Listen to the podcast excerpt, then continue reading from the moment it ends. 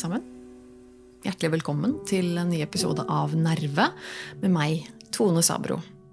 Og jeg skal si med en gang at uh, dette er uh, som vanlig live på YouTube akkurat nå.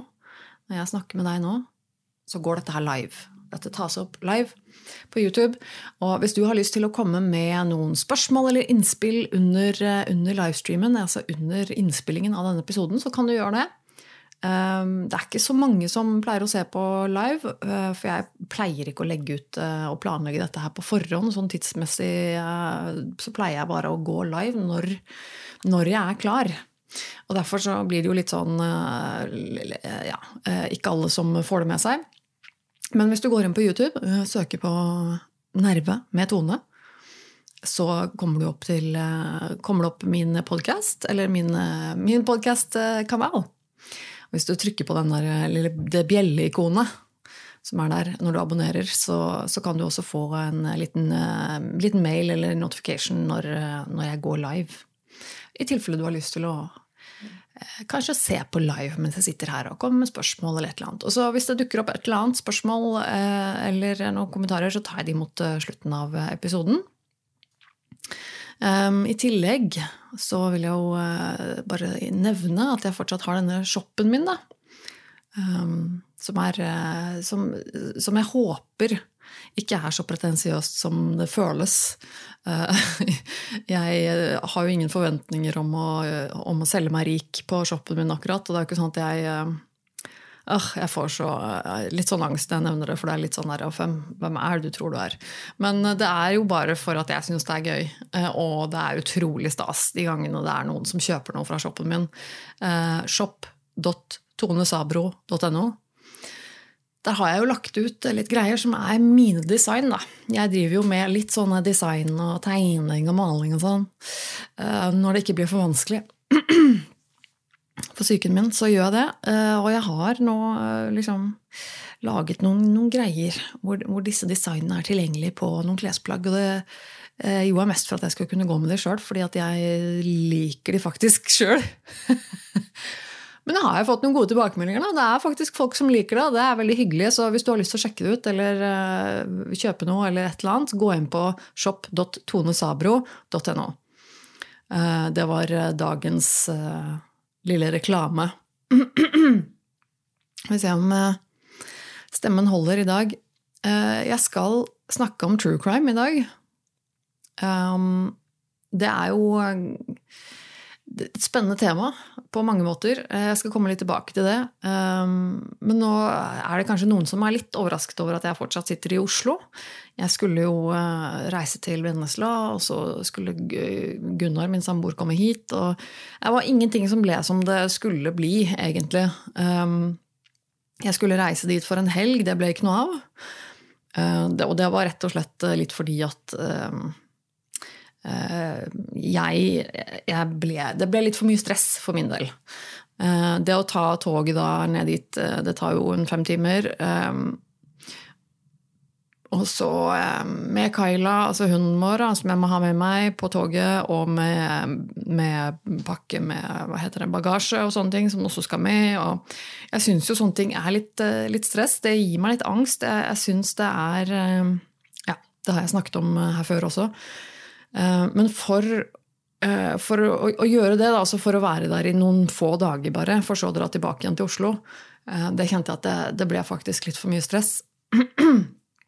Så visste jeg jo at bare noen få dager, dager senere så skulle Gunnar, min samboer, komme hit til Oslo til meg. Så da tenkte jeg at ok, men vi overlever noen få dager til. en helg.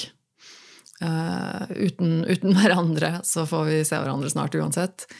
Og så gikk helgen, og så viser det seg at det ikke skulle passe at, at Gunnar kom hit til Oslo til meg likevel. Det er altså Dette med å eie hus, det er jo ikke bare bare. Det vet sikkert alle dere som eier et hus, eller som har gjort det en gang.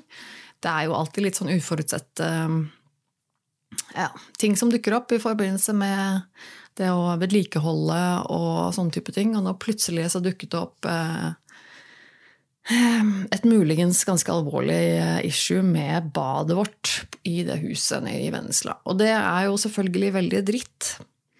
Et bad som, eh, som, ser eh, veldig bra ut, og som er bra. Det er jo ikke fryktelig gammelt heller. Og det, og det er kjipt å måtte muligens rive opp alt. Eh, ikke bare derfor, men også fordi at det er fryktelig, fryktelig dyrt. Og det er jo penger som vi egentlig ikke har. Så, men så er det jo noe med at vi kan ikke bare la et bad gå som det går. Det må fikses. Og så er det jo en prosess med å få tak i folk som skal gjøre det, og forsikringer osv. Og, så og så plutselig fant ut at vet du hva, det at da Gunnar skal reise derfra og være her eh, i en liten stund, og det var ikke helt ideelt. Så da ble det ikke noe av. Så nå er det jo sånn at jeg eh, Jeg har vært alene denne uka her, hvor jeg egentlig skulle hatt Gunnar her. Eh, og så har vi gjort det sånn at jeg isteden nå skal ta toget ned dit på lørdag. Vi prøver igjen. Nå har jeg bestilt togbillett, så nå, nå, nå, skal, det, nå skal det skje. Men det er jo også da Jeg tror det er en måned siden sist jeg så kjæresten min. Det er jo ganske lenge siden.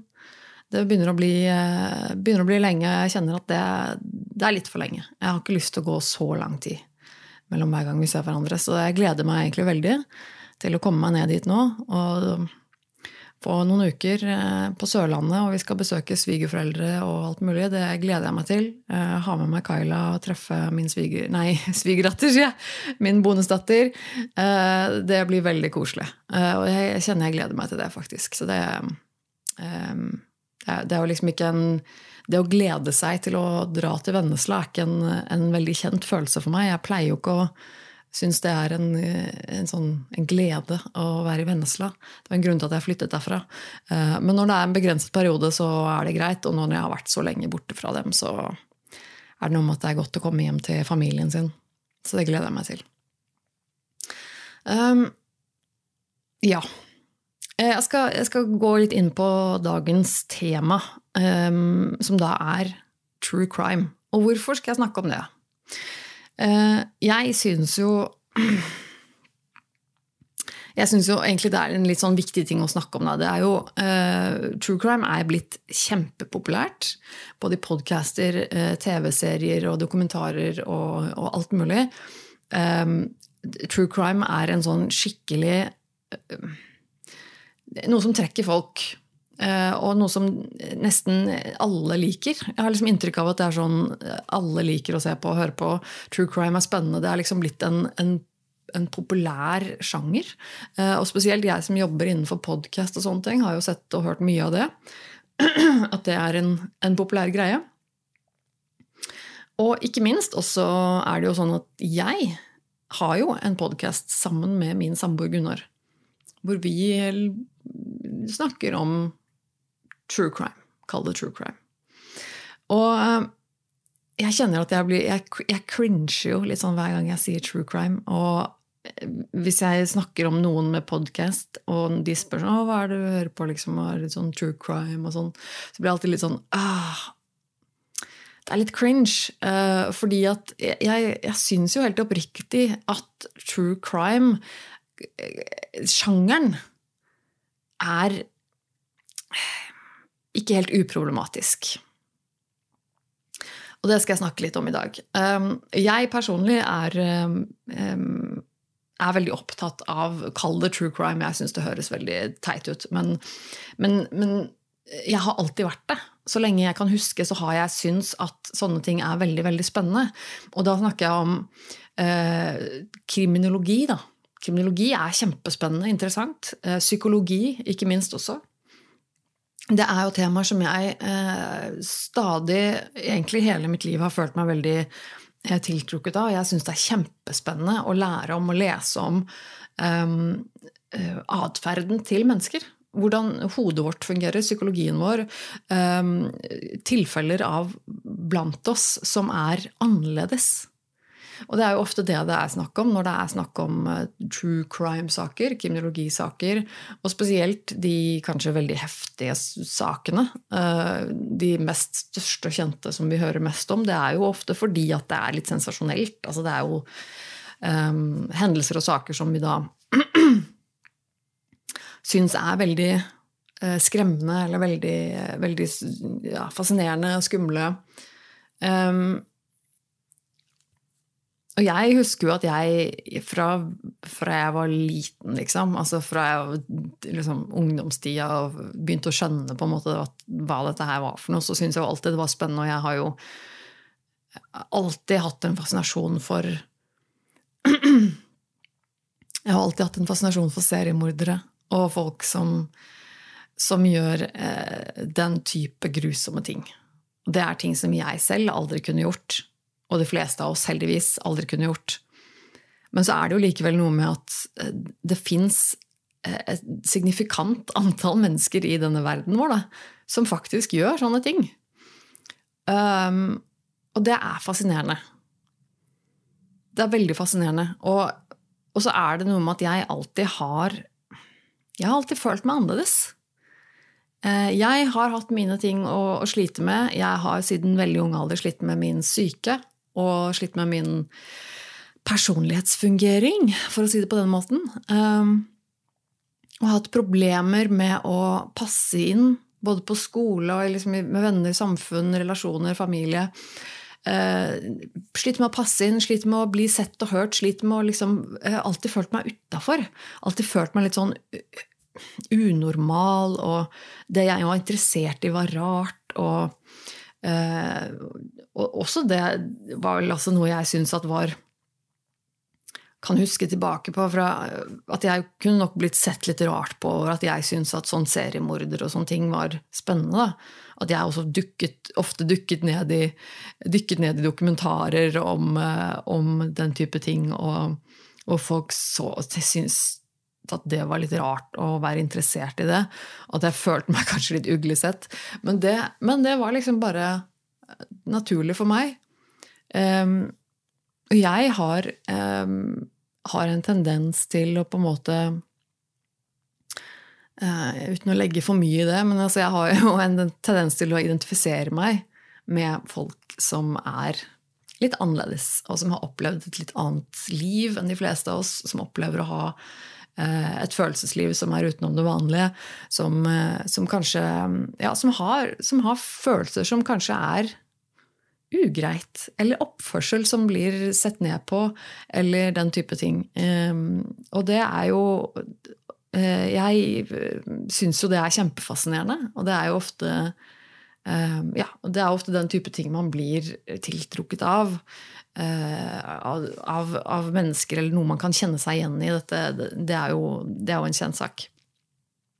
Så for meg så har jo dette uh, true crime-greiene, det har jo holdt på lenge. Det har jeg jo alltid vært interessert i. Men det har jo blitt en veldig sånn bølge de siste årene. Spesielt kanskje via podcaster og sånne ting som har blitt en, en stor greie.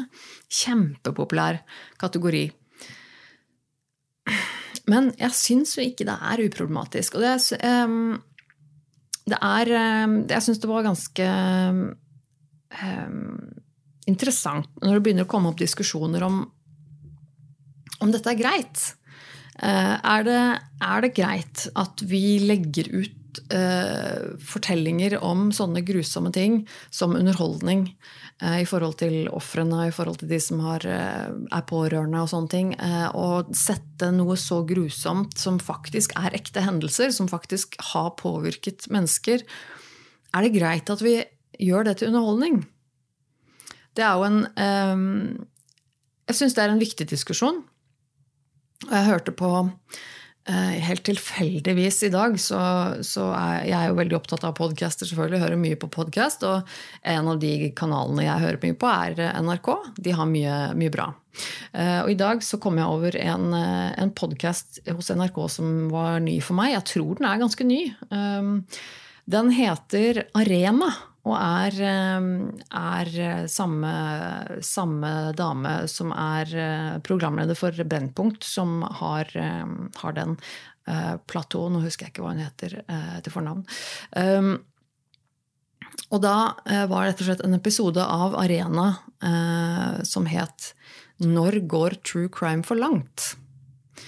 Eh, og det syns jeg er en interessant, eh, et interessant tema. Dette må jeg selvfølgelig høre på. Hadde da, hun hadde med seg eh, et par besøk i, i, studio som hun intervjuet, og snakket om dette her med, dette med true crime.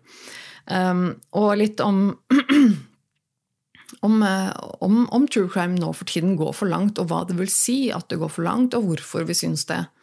Og hva som er greit og ikke greit med å fortelle ekte historier, da, som er historiene til mennesker som, som de faktisk har opplevd. Um, uh, og nå må jeg bare si sånn, til starten med da, at dette er jo noe jeg har tenkt mye på. Og også en diskusjon som, som jeg og Gunnar har tatt uh, i forbindelse med at vi lager en podkast som heter Virkelig grusomt. Som er en kall det true crime podcast. Det er jo ikke bare krim. Er, vi snakker jo om Eh, vi har en, en sak i, i, hver episode som vi da snakker om. Forteller historien om hva, hva som har skjedd. Og så diskuterer vi litt etterpå. Um, og det er både krimsaker, men det er også historiske hendelser eller ulykker og den type ting også som, som kan være uh, interessant å snakke om. Og det som uh, det som er viktig, eller det som jeg syns Det som gjør den podkasten for min del, det er eh, at den um, Den skiller seg litt fra andre true crime-podcaster som jeg uh, har hørt. Uh, I den at uh, jeg er ikke så opptatt av dette manuset. Um, det, er, det, er, veldig mange true crime-podcaster uh, som er manusbasert. Hvor da de som lager podkasten, har satt seg ned og skrevet en historie, et manus, som de da sitter og leser opp.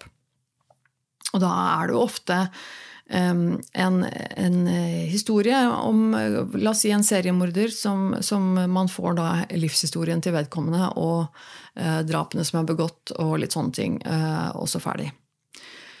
Og det er jo eh, selvfølgelig Jeg syns jo det er interessant, som mange andre. Men det som virkelig manglet, eh, som jeg savnet i alle disse podkastene, det var den praten, den diskusjonen, den frie praten om eh, saken, om menneskene, om hva vi tenker, om hva som har skjedd. Og jo, for meg så er det det som er interessant den refleksjonen du sitter igjen med etterpå, eh, kanskje om det er noen ekstra faktaopplysninger, eller om, er, om, man, om man kan snakke om da gjerne hva og hvorfor dette har skjedd, eh, og kanskje litt om hva som foregår i hodet til mennesker. Da, hva som gjør at noen mennesker eh, kan begå sånne grusomme handlinger. Og det er jo For meg så er det det som er interessant. Og det savna jeg veldig når jeg satt og hørte på true crime-podcaster. Eh, det var at jeg fikk et kjempebehov for å, eh, for å snakke og diskutere om det jeg hadde hørt. Eh, både fordi det er interessant, men også fordi jeg syns det er viktig å få fram det at selv i de mest grusomme historiene så er det snakk om mennesker. Og det at vi er ikke så forskjellige som det vi kanskje tror. Og det å distansere oss selv fra mennesker som eh, som, begår handlinger som det, eh, kan være skummelt, syns jeg. Det kan være veldig altså Det å distansere oss fra det og tenke at dette er ikke et menneske, og dette er bare et monster, og den type retorikk, det, det syns jeg er um,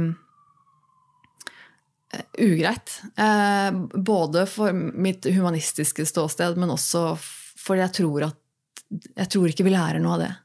Jeg tror ikke vi har noe godt av det som samfunn å bare kalle folk for monstre og distansere oss fra dem.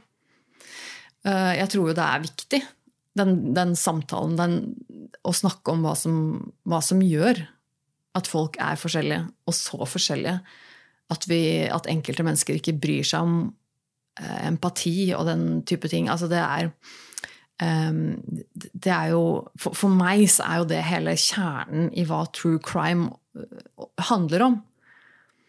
Ehm, det er ehm, så, så jeg vil jo si at når det gjelder min eller vår, vår podkast som heter Virkelig grusomt, for meg så er det viktigste den diskusjonen. diskusjonen eller det å reflektere rundt det, og det å kunne ha en, en dialog, og det er en, det er en åpen Det er en prat. Istedenfor å være et manus hvor jeg bare leser opp en, en tekst, så er det viktig og helt essensielt for meg i den podkasten at det, det, er ikke det det er. Det er her en samtale hvor vi sitter og prater om eh, et tema som er, i utgangspunktet er veldig grusomt, men også er fascinerende og, og veldig rart, men også ganske viktig. Um, jeg, eh, for jeg tenker jo at det er viktig med true crime. På den måten at jeg tror vi har noe å lære av det. Eh, det å anerkjenne at vi er alle mennesker. Og det å anerkjenne at noen, noen mennesker er sånn. Ehm, at de gjør ting som de fleste av oss på en måte vil, vil anse som grusomt. Dyssosialt og, og forferdelig. Uh, vi kommer ingen vei med å bare kalle dem monstre og låse dem inne for resten av livet og så bare se bort ifra dem. Uh, jeg tenker jo at et mål må jo være det å kunne jobbe for at dette skal skje mindre. Og det er jo ofte snakk om mennesker som faktisk trenger hjelp.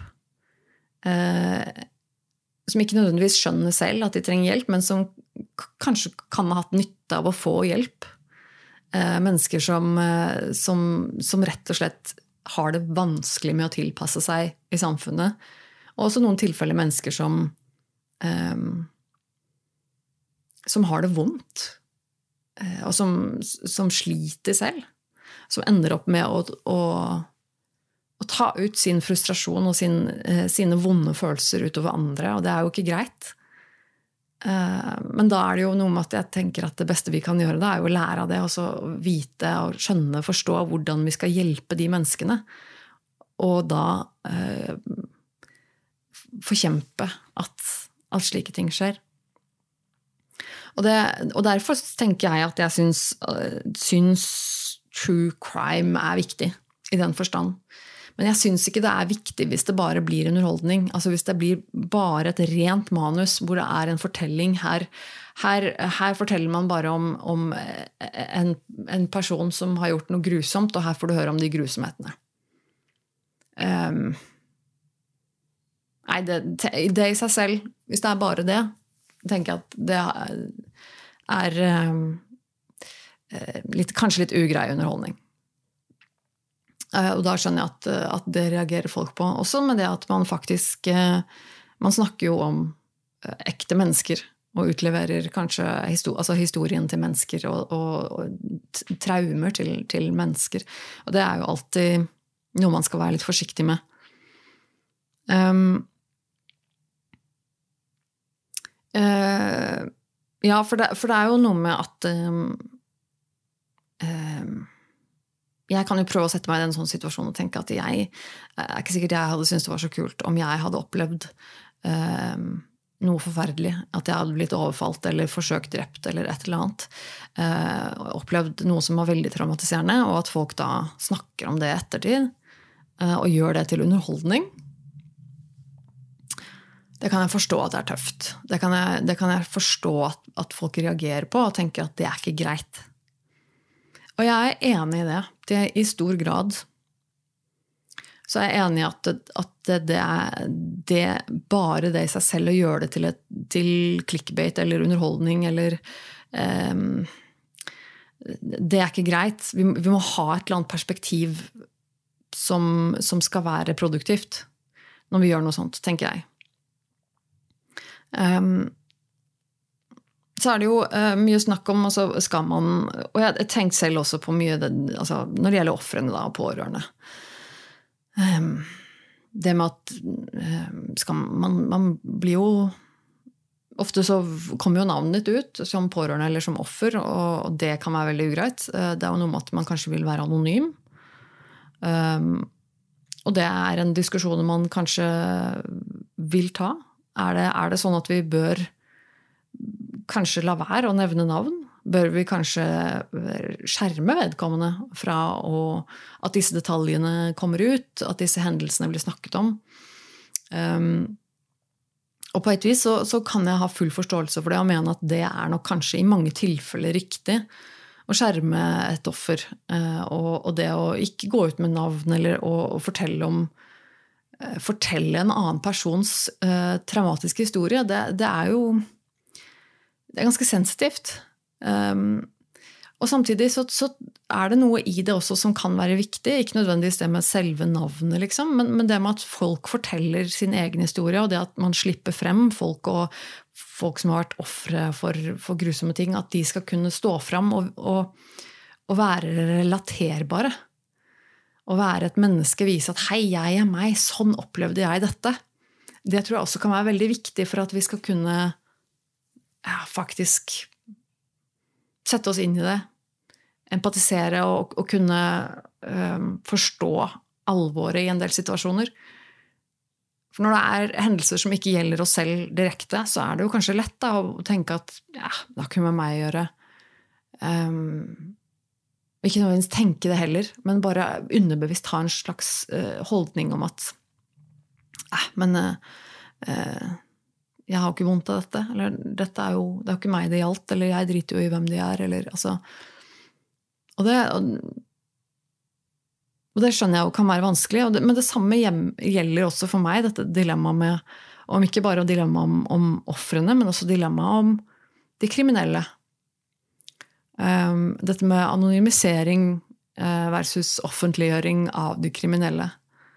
Uh, her også er det vanskelig, syns jeg, å vite alltid hva som er det rette. Det er jo sånn at um,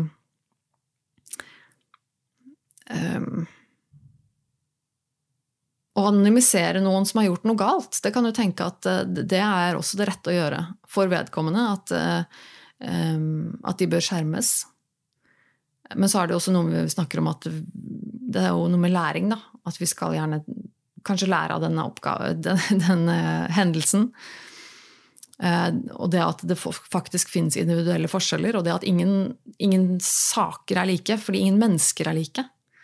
At det er, det er, forskjell på hvordan mennesker utfører ting. Selv om to eh, mennesker har gjort akkurat tilsynelatende den samme grusomme handlingen, så kan det fortsatt være store forskjeller på disse individene om hvorfor og grunnlaget, og hvordan, ikke minst hvordan de takler det etterpå. Og hvordan vi som samfunn ser på dem. Eh, og det, det mener jeg òg er viktig. Eh, samtidig som det er dette med at ja, hvis, du har, hvis, du er kriminell og har f.eks. drept noen, um, hvorfor, skal ha, hvorfor, skal du ha, rett til å være anonym? Um, og det, da har vi også noe med det med, med men det argumentet om at samfunnet skal også vernes fra vedkommende At det er enkelte mennesker som gjør så grusomme ting da, at, at, vi som samfunn ønsker å vite hvem de er, for å kunne verne oss fra dem. Um, og det, det, er selvfølgelig også et aspekt som må, som må tas hensyn til. Og så er det dette med offentliggjøring av navnene til kriminelle også, eh, da kommer man ofte inn på dette med romantisering og det med stjernestatus. Det har også vært veldig mye diskutert, blant annet som eh, noe som de snakket om i denne, denne Arena-podkast-episoden også, er eh, f.eks. Jeffrey Dahmer, som er jo et veldig, veldig, veldig kjent tilfelle av en seriemorder som har fått mye oppmerksomhet. Og det er blitt laget mye eh, innhold om han og de handlingene. Og da er det spesielt også snakk om denne serien eh, som gikk på Netflix, som heter eh, Dahmer. Eh, jeg husker ikke hva mer den heter. Jeg tror den kanskje heter bare Dahmer. Men det er også en dramatisering av hans historie. Um, hvor de har altså skuespillere som er, som er med, og, og som spiller Eh, spiller dette. Um, men hvor de også da har tatt veldig nært utgangspunkt i de faktiske hendelsene. Hvor de faktisk har gjort grundig research, eh, både i uttalelser og rettssak og, og, og, sånne ting, um, som uh, Som uh, Jo, og det, med, det som da mange kan reagere på, er jo dette med at Ehm, at det blir en slags romantisering av den kriminelle. Den personen som i utgangspunktet er hatet og har gjort noe fryktelig grusomt. At, vi, at det blir en, en, romantisering av det mennesket. Eh, handlingene, det han har gjort, osv. At eh, liksom diskutering om, diskusjoner om, om, om, at eh, skuespilleren var litt for kjekk. At det på en måte bidrar til å eh, romantisere det hele. At det er um, at, at, vedkommende får nærmest sånn kjendis- eller stjernestatus, som jo kanskje kan være problematisk i forhold til at dette her jo snakk, tross alt er, er, snakk om en seriemorder. Um, som er absolutt verdt å snakke om. Og jeg tror at det er derfor det er viktig at man eh, i en sånn situasjon hvor man um, um, hvor man skal fortelle noens historie som også er, som er utrolig nyansert. For det er to veldig, veldig forskjellige perspektiver. Så tror jeg det er viktig å legge vekt på hvordan man forteller ting. For vi vil jo ikke at det skal endes at det skal se ut som en romantisering. Jeg, synes, jeg er helt enig i at det er grusomt. Jeg syns ikke vi skal romantisere Jeffrey Dahmer, f.eks. Det at han blir en kjendis, eller um, det, det, det, kan jeg forstå at det er veldig problematisk. Um, og jeg, jeg, tenker jo at da har det veldig da, da, burde man være nøye med hvordan man forteller ting. Hva man, hva man legger vekt på. Uh, personlig må jeg også si at akkurat når det gjelder den serien der, så husker jeg at jeg reagerte på det at jeg likte det um, At de gjorde han til et menneske. Så skjønner jeg at det kan være vanskelig, og at det her er jo en, en, en balanse som, som, er vanskelig å, å gå, fordi um, det å på en måte fremstille han som et menneske med tanker og følelser, det gjør jo også at vi får mer empati for han. Og det, ehm, det er det mange som tenker at ikke er greit. Jeg tenker i utgangspunktet at det må jo være greit. Jeg syns jo empati er en god ting. Uansett hvem det er, eh, så mener jeg at alle har eh, fortjent empati. Alle fortjener at man også ser saken fra deres perspektiv. Men selvfølgelig, er, jeg, skjønner at det, den er tricky, og jeg skjønner at det kan være vondt for, for pårørende og ofre som, som, eh, som, blir sittende på, på, andre siden og tenke at herregud, dette, her, dette er et menneske som har ødelagt livet mitt. Eh, eller som har drept eh, mitt familiemedlem, eh, og som lider av det. Det er klart at det er um, mildt sagt ganske ugreit å kjenne på den følelsen av at man da romantiserer vedkommende, eller ser på det som en slags At det blir en slags stjernestatus, da. Um, og de, de, i denne podkasten, i denne arena også, så hadde de jo intervju med, um, med um, blant andre Stein Morten Lier fra Avhørt, eller også fra Insider, hvis det er noen som har sett, uh, sett det på TV Norge tidligere. Um, de snakket om at eh, de tidligere har en, eh, hatt sånne livepodkaster rundt omkring i Norge hvor de har hatt med seg andre Kjell Alrich Schumann, eh, som jo er kjent fra Nokas-ranet, som også var den personen som skjøt og drepte en politimann i tjeneste. Han, og de har hatt med han rundt på denne livepodkasten og, og liksom og, og, hvordan det har vært problematisk og vanskelig for, for da pårørende i denne saken, i Noka-saken. Um, hvor vi får høre en av um, Litt usikker på akkurat hvem det var. Jeg tror det var en av de menneskene som var til stede under, under ranet. Altså en av de ofrene som var der. Som selvfølgelig opplevde dette som veldig, veldig traumatisk. Og det har man jo full forståelse for. Um, hvor hun da uttaler at hun syns det er um, veldig, veldig forkastelig at han får lov, at, at altså Kjell Alrik Schumann, får lov til å være med rundt og, og bli intervjuet og, og, snakke og sitte på en scene og være underholdning. Uh, at han får, får, får sånt rampelys og, og, blir slags stjernestatus. ikke sant? Hele den, den greiene der. Og var veldig tydelig på hva hun mente. Eh, og det kan man selvfølgelig ha forståelse for. Jeg kjenner jo på empati og, og føler at ja, selvfølgelig, det må, være, det må være vanskelig. Når du som offer har opplevd noe som er så traumatiserende, og, og se at vedkommende da på en måte får den type oppmerksomhet etterpå Det, det er klart, det, det, er sikkert veldig, veldig tøft. Men jeg mener også at eh, et, eh, poeng som Stein Morten Lier kom med, da, han som også har denne podkasten, eh, kom med, som, som, jeg mener er også essensielt, som han sier, det er jo at Men Kjell Alrik Schumann, han har sonet sin straff. Han har sittet i fengsel og sluppet ut, og har sonet ferdig sin straff. Og da, ifølge det norske rettsprinsippet, så skal du ha et, et, et, krav på å leve et vanlig liv. Da har du gjort opp for deg til samfunnet, og skal i utgangspunktet ikke dømmes for det noe resten av livet. Og det er jeg helt enig i, for det er et så viktig prinsipp. Selvfølgelig så er det som alt annet, eh, verken svart eller hvitt, eh, det at Kjell Alrik Schumann, eller hvem det skal være, har gjort eh, opp eh, for seg til samfunnet. Han har tatt straffen sin og er nå kommet ut og skal leve et, et nytt liv. Eh, det fritar jo kanskje heller ikke han for alle hva skal jeg si, muligheter. Altså, er det sånn at det er greit at han da, hvis han skulle bli en kjendis, og får underholdningsverdi Hvis han på grunnlag av det han har gjort, da, jeg syns jo ikke i utgangspunktet at det kanskje er så veldig greit. At han da blir At han får kjendisstatus på grunn av den dommen og det han har gjort.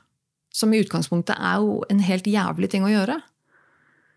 Eh, hadde han da kommet ut av fengsel og, og gjort noe nytt, da, la oss si han hadde fått seg en karriere innenfor musikk, for eksempel, altså at han hadde, og det var det han ble anerkjent for etterpå, tenker jeg det er helt fair. Da kan han få kjendisstatus eh, så mye han vil holdt jeg på å si, for, for altså, musikken da, eller whatever det skal være som han lager. Eh, men om han da etterpå eh, kommer ut av fengsel og får en slags kjendisstatus fordi han har sonet en straff for å ha drept noen, så tenker jeg at nei, det er ikke helt Det er, ikke, det er kanskje ikke helt greit. Så, og jeg tenker jo at vi da som, som samfunn også har et, et ansvar der så, eh, men, men, det er klart, det er, det er jo dritvanskelig. Jeg syns jo det er viktig at man, man, tar den diskusjonen, og det at man, man, tenker gjennom disse nyansene. For som alt annet i livet og i verden, så er det nyansert. Jeg tror ikke at vi kommer eh, Jeg tror ikke at det er ja, jeg tror ikke at vi kommer noe lenger av å, av å, sette ting i en bås på enten rett eller galt, eller, eller, eller um, svart eller hvitt. Det er sjeldent at det er så enkelt. Og Det er derfor jeg uh, syns også det er på høy tid å kanskje ta den diskusjonen om true crime. Fordi at jeg syns ikke det er jeg syns ikke det er all true crime som er greit, eller er, som er ålreit. Jeg syns det er mange måter man kan gjøre true crime uh, til noe som kan være bra. Men jeg tror det er lett å gjøre det til noe som er uh, ganske sånn ugrei og ren underholdning. Uh, som legger igjen en litt sånn dårlig smak hos meg. Og det um, det, tror jeg ikke er noe som kanskje de fleste altså lyttere da, og seere tenker så mye på. Jeg kan, jeg kan, tenke meg at hvis jeg, jeg, som en random person sitter og ser på et eller annet spennende på Netflix eller hører en eller annen random podcast, så er det ikke sikkert at man tenker så mye over det. At liksom, er, er dette her greit, liksom? Var det greit å snakke om det på den måten der? Var det greit å, å fortelle på en måte som gjorde at denne kriminelle her Han hørtes ut som en skikkelig eh, rockestjerne, liksom. Altså, eller det å legge fram en, eh, legge fram en historie som, som, har veldig mye nyanser og perspektiver, bare ved å skrive et kort manus på en halvtime uh, og lese opp det i en podkast. Jeg vet ikke om jeg syns det er Jeg vet ikke om jeg syns det er så greit alltid. Og selvfølgelig så kommer det litt an på saken og hvordan man snakker om det. Og, og selvfølgelig går det an å lese opp et manus uh, på en halvtime som er skrevet sånn at man har, viser empati um, og, og, den type ting. Ja, men veldig ofte så, så, så syns ikke jeg at det, at det er nok uh, til å reflektere tilstrekkelig over en sånn nyansert situasjon, som det jo ofte er. Um, og vi har eh, kanskje en tendens da, via media og sånne ting også til, å, til å, At man vil ha oppmerksomhet, at man vil ha klikk, man vil ha den statistikken. Og da er det jo om å gjøre å lokke folk til å høre på eller se på, eller hva det skal være. Og da har det jo en tendens til å bli eh, svartmalt. Eller hvittmalt. uh, og, og, det tror jeg ikke vi uh, det tror jeg ikke er bra. Jeg tror ikke er, jeg tror ikke det er en god ting i det hele tatt. At det blir en konkurranse om å få, eh, om å få den oppmerksomheten for det, for det du lager. For det, da, da, forsvinner de nyansene som i min mening er, er, er, så viktig.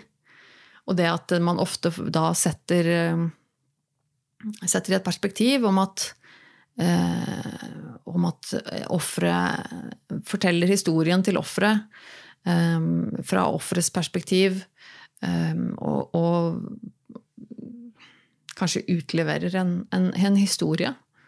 Uh, utleverer en, en, livshistorie til et offer som kanskje ikke ønsker det. Som i utgangspunktet er et vanlig person som ikke ønsker å bli kjent, eller uh, at man skal snakke om vedkommende. Det jo, kan jo også være problematisk. Men, og at man ofte også da snakker om den, den kriminelle parten som uh, som et monster, og som eh, eh, På en veldig unyansert måte. Som jeg også har problemer med, fordi at det er ikke så enkelt. Um, til og med de, de, menneskene som har gjort de grusomste handlinger. Um, det er mennesker som også har familie og pårørende. Folk som er glad i dem. Og, så har de følelser selv. Og um, alt dette her er til ting som jeg mener at bør tas inn i betraktningen. Og det tror jeg ikke det er rom for veldig mange, veldig mange steder, eller, eller, sånn, når det er snakk om uh, true crime. Det blir en sånn sensasjon. Det, det, er det, det, det, er det som er viktig. Å få fram noe som er sensasjonelt, som får masse klikk, og som um, og det, det er jeg jo ikke for. så det er litt sånn Men det er klart, jeg, har, eh, har, kjent på det selv når det er snakk om det å lage en true crime-podkast. Vi har jo fått tilbakemeldinger til Virkelig grusomt-podkasten. Eh, hvor folk har, eh, har sagt mye, mye, rart. Både bra og dårlige ting. Selvfølgelig er det noen som reagerer på at vi gjør dette til en underholdning. Og at vi lager den podkasten i det hele tatt. Um, og, tenk, og, og, liksom sier at nei, men dette er, ikke, dette er, ikke, gøy. Dette skal ikke være underholdning. Dette er, dette er tragiske saker som, som, omhandler ekte mennesker. Og ja, det er jeg helt enig i. Jeg er fullt klar over det, og jeg er helt enig i det. Og jeg tror det er viktig også at vi, jeg og, og Gunnar som lager den podkasten, har et veldig konkret um, perspektiv. Eller i hvert fall gjøre om gjøre opp tanker rundt akkurat det. At dette er ekte mennesker. Um, og jeg mener jo at vi er flinke i den podkasten til å gjøre det, og i hvert fall prøve så godt vi kan. å vurdere sakene og, snakke om sakene og menneskene som, som det de er. Nettopp mennesker. Og at, eh, at, man kan reflektere litt rundt hvordan Altså, og vi vet jo ikke noe annet enn det vi leser, selvfølgelig, så vi kan jo aldri vite noe sikkert hvordan ting oppleves. Men vi kan jo prøve å sette oss inn i situasjoner uh, og empatisere uh, med mennesker. Men for meg så er det jo liksom det der å, å, å gjøre det litt på begge sider. Um, uten å unnskylde det på noen som helst måte. Uten å si at uh, uten å unnskylde noen, noen, handlinger som er grusomme. Det er, ikke, det er, ikke, greit å drepe noen selv om du har uh, hatt en forferdelig oppvekst. Selvfølgelig er ikke det greit. Men selvfølgelig er det også et viktig aspekt å diskutere. Fordi vi vil jo gjerne vite hvorfor dette vedkommende endte opp med å drepe noen. Og da gjerne hvordan vi kan forhindre at det skjer igjen. At andre mennesker også eh, dreper noen. Det er jo ikke noe vi vil at skal skje. og jeg tror Det kommer ingen vei ved å bare lukke øynene og tenke sånn Nei, men det, han var en, et monster og en drittsekk, liksom. Han er ikke sånn som oss. Han er eh, en egen art. Nei. Det er ikke så enkelt. Og så mener jeg at vi har, som, eh, som, samfunn så har vi alle ansvar for hverandre og for hvordan vi behandler hverandre, og hvordan vi påvirker hverandre. Og det er klart at det er, det er ikke sånn at du ikke blir påvirket av det som skjer i livet ditt. Så hvis du har en oppvekst som er helt forferdelig og blir behandlet på dårlig måte, enten psykisk eller fysisk eller begge deler, av foreldre eller, eller, eller pårørende, og, altså den type ting, det vet vi at har mye å si. Og det har, en, eh, det har store konsekvenser ofte for det individet som opplever det, eller som vokser opp på den måten. Og det er klart at Nei, selvfølgelig er ikke det en unnskyldning, og det er uansett ikke greit å gå og drepe noen. liksom. Men selvfølgelig skal det være rom for å, for å forklare. For å, for å gi et perspektiv. Og for å lære. Det er jo det viktigste vi gjør. Så jeg, så jeg tror nok det som frustrerer meg aller mest Det som frustrerer meg aller mest, er, er den, den um, ja, den, den, den, måten man setter i bås. At det er enten svart eller hvitt, det er godt eller vondt. Det er uh, slemt eller snilt.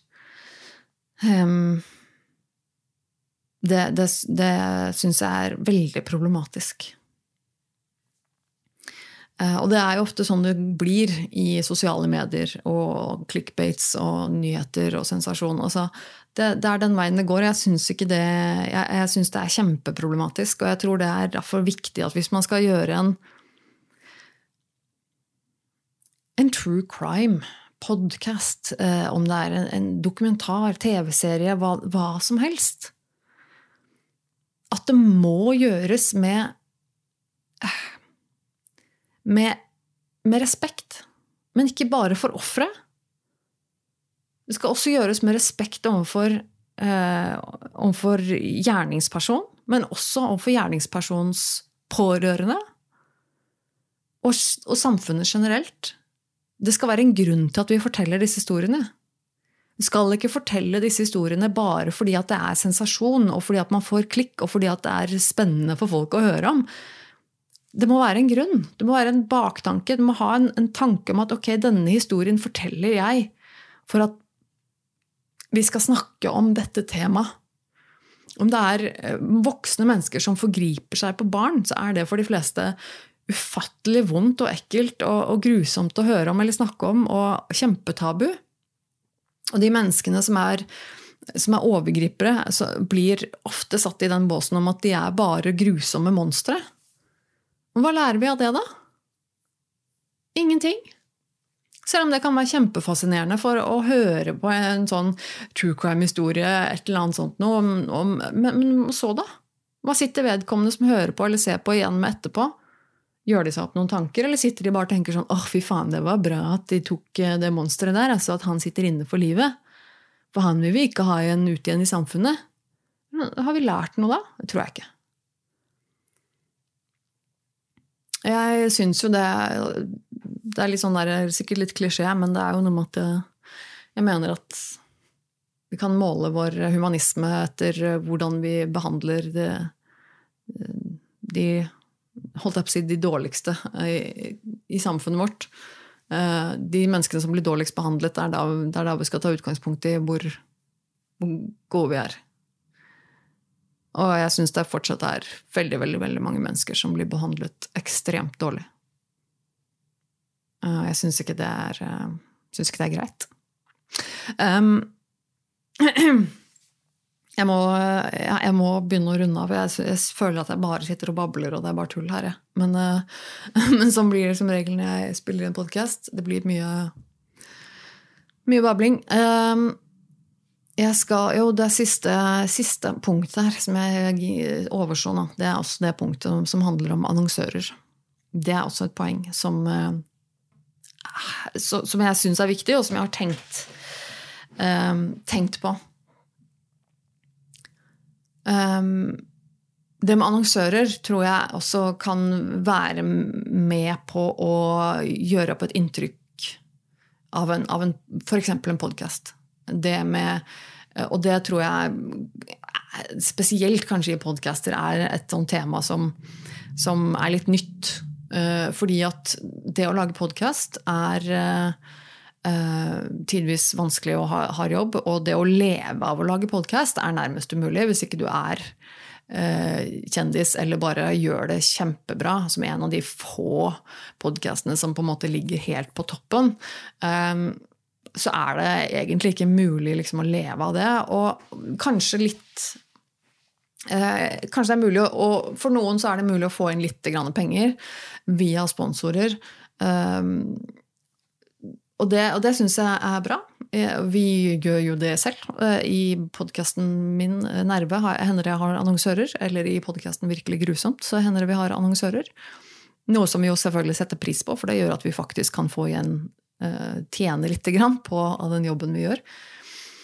Um, men jeg husker at jeg, det er en, en, en podkast som jeg har hørt en del på, som heter det er en engelsk podkast, Jordan Harbinger Podcast, eller Jordan Harbinger, har en podkast som, som, tidvis er veldig bra, har mye intervjuer og, og litt sånne ting. Om, og, men selv så velger de vel å ytre at, at, de er for kritisk tenking, da. At, er, at de skal på en måte være litt um, Oppfordre folk da, til å tenke kritisk og, og være litt sånn science-based. og Eh, den type ting. Og det er jo i utgangspunktet kjempebra, men da er det jo f.eks.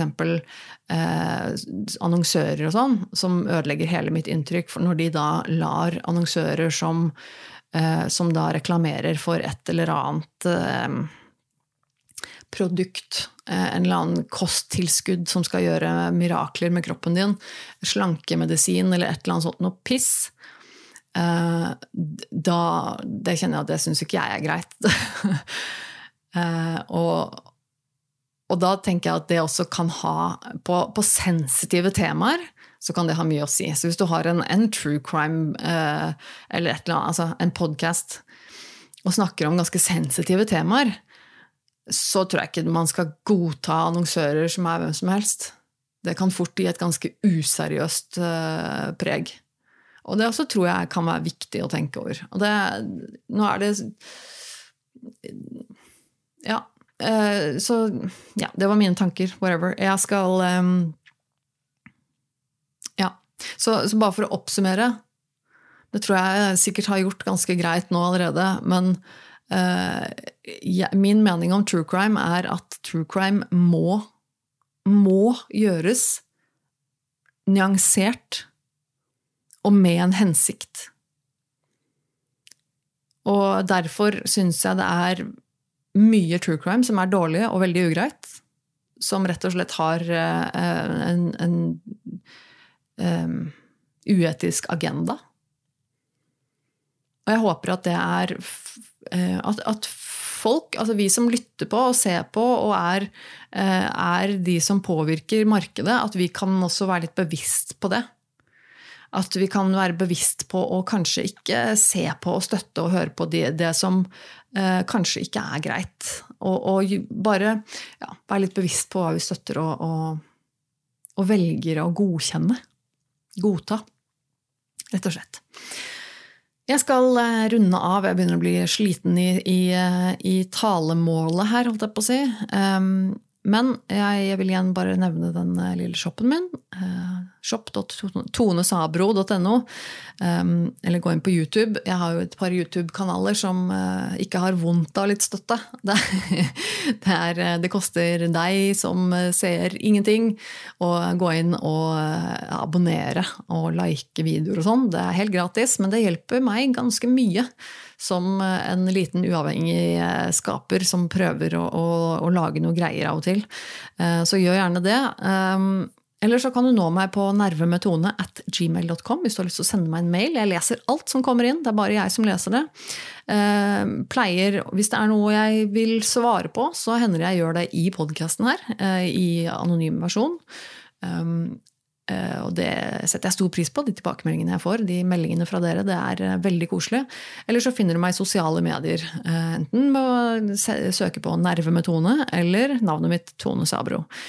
Så finner du meg der, rett og slett. Ehm, så skal jeg avslutte med det, og, og, og da si det at nå reiser jo jeg til Sørlandet denne helgen. Ehm, så nå blir det nok kanskje noen uker til neste gang jeg får spilt inn noen episode. Jeg skal jeg skal se om jeg får kanskje muligheten til å lure til meg noe eh, en mikrofon et eller annet sted, eller eh, Vi får se. Eh, men i utgangspunktet så blir det da et lite opphold, så jeg får bare beklage det. Men vi høres igjen, altså. Det er ikke sånn at jeg ikke kommer tilbake igjen. Ehm, jeg er selvfølgelig tilbake om, om, men da kanskje om et par uker eller noe sånt. Par, to eller tre uker, muligens.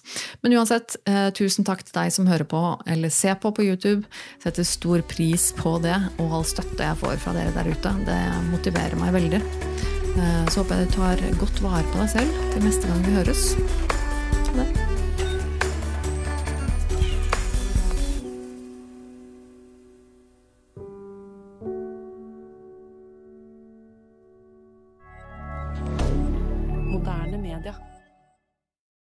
Har du et enkeltpersonforetak eller en liten bedrift? Da er du sikkert lei av å høre meg snakke om hvor enkelt det er med kvitteringer og bilag i fiken, så vi eh, gir oss her, vi. Fordi vi liker enkelt. Fiken superenkelt regnskap.